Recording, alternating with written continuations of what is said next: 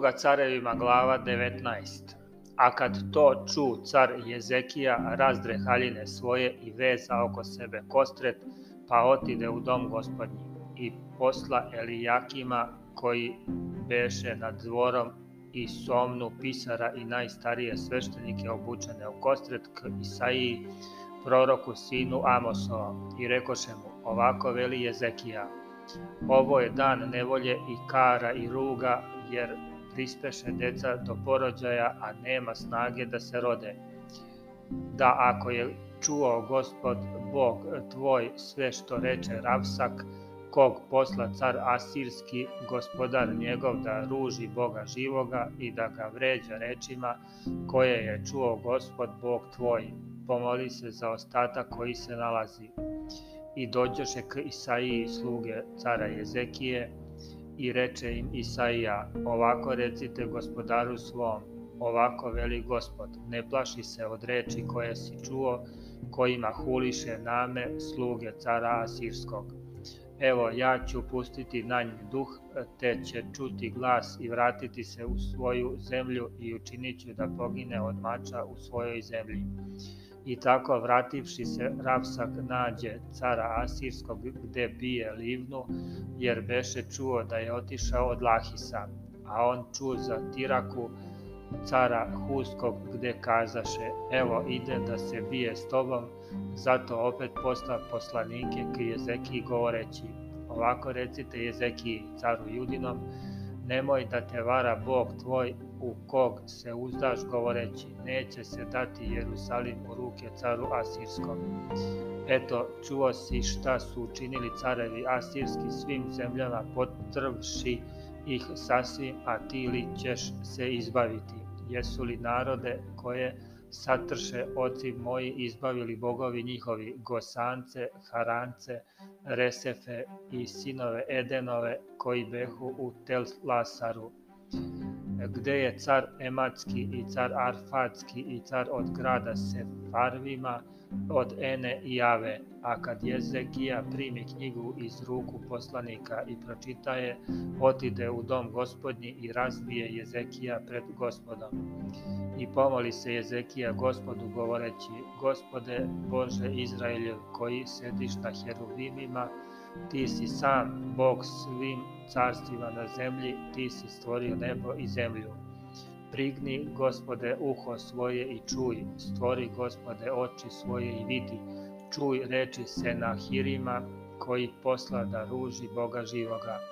Istina je, gospode, opustošili su carevi asirski one narode i zemlje njihove i pobacali su bogove njihove u oganj, jer ne behu bogovi, nego delo ruku čovečih, drvo i kamen, zato ih potrše. I zato, gospode Bože naš, izbavi nas iz ruku njegovih, da poznadu sva carstva na zemlji, da si ti, gospode, sam Bog. Tada posla Isaija, sin Amosov, ke Jezekiji poruči mu, ovako veli gospod Bog Izraeljev. Uslišio sam zašto si mi se molio radi se na hirima cara Asirskog. Ovo je reč koju izreče gospod za nju, rugati se i podsjevati se devojka, kći Sionska, za tobom maše glava kći Jerusalimska. Koga si ružio i hulio i na koga si podigao glas i podigao uvis oči svoje na sveca Izraeljevog. Preko poslanika svojih ružio si gospoda i rekao si, s mnoštvom kola svojih iziđoh na visoke gore na strane Livanske i poseći ću visoke kedre njegove i lepe jele njegove i ući ću u krajnji stan njegov u šumu njegovu Karmila. Ja sam kopao i pio vodu tuđu i isušio sam stopama svojim sve potoke gradovima. Nisi li čuo da je to odavna činim i od iskona da sam tako uredio, sada puštam to da prevratiš tvrde gradove u puste gomile.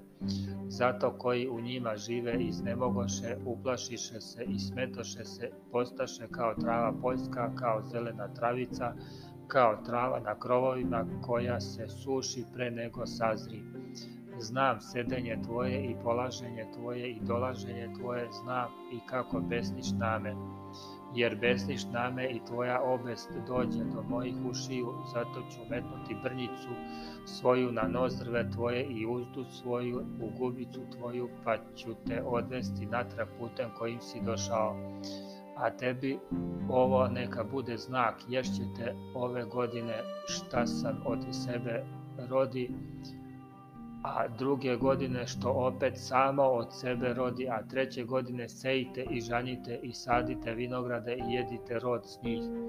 Jer ostatak doma judinog što ostane opet će pustiti žile ozdo i roditi ozgo, jer će iz Jerusalima izaći ostatak i iz gore Siona, koji se čuvaju revnost gospoda nad vojskama, učinit će to. Zato ovako veli gospod za cara Asirskog, neće ući u ovaj grad, niti će baciti amo strele, neće se primaći ka njemu sa štitom, niti će iskopati opkope oko njega. Vratit će se putem kojim je došao, a u grad ovaj neće ući, veli gospod, jer ću braniti taj grad i sačuvat ću ga sebe radi i radi Davida, sluge svog.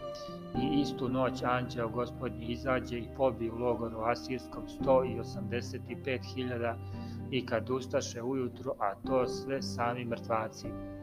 Te se podiže se na Hirim, car Asirski, i otide i vrativši se ostao u Nineviji.